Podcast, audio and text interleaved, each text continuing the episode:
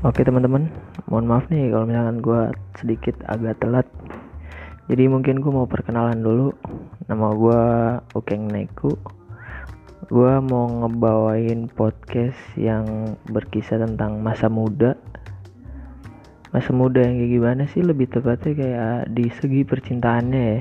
Percintaan yang kayak apa, kayak gimana ya? Lu tonton aja lah pokoknya.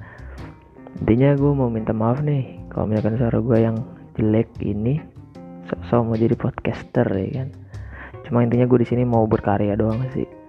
Jadi tetap support gue dengerin terus dan bosan-bosan kasih masukan dan lain-lain. Jangan lupa di follow juga. Terima kasih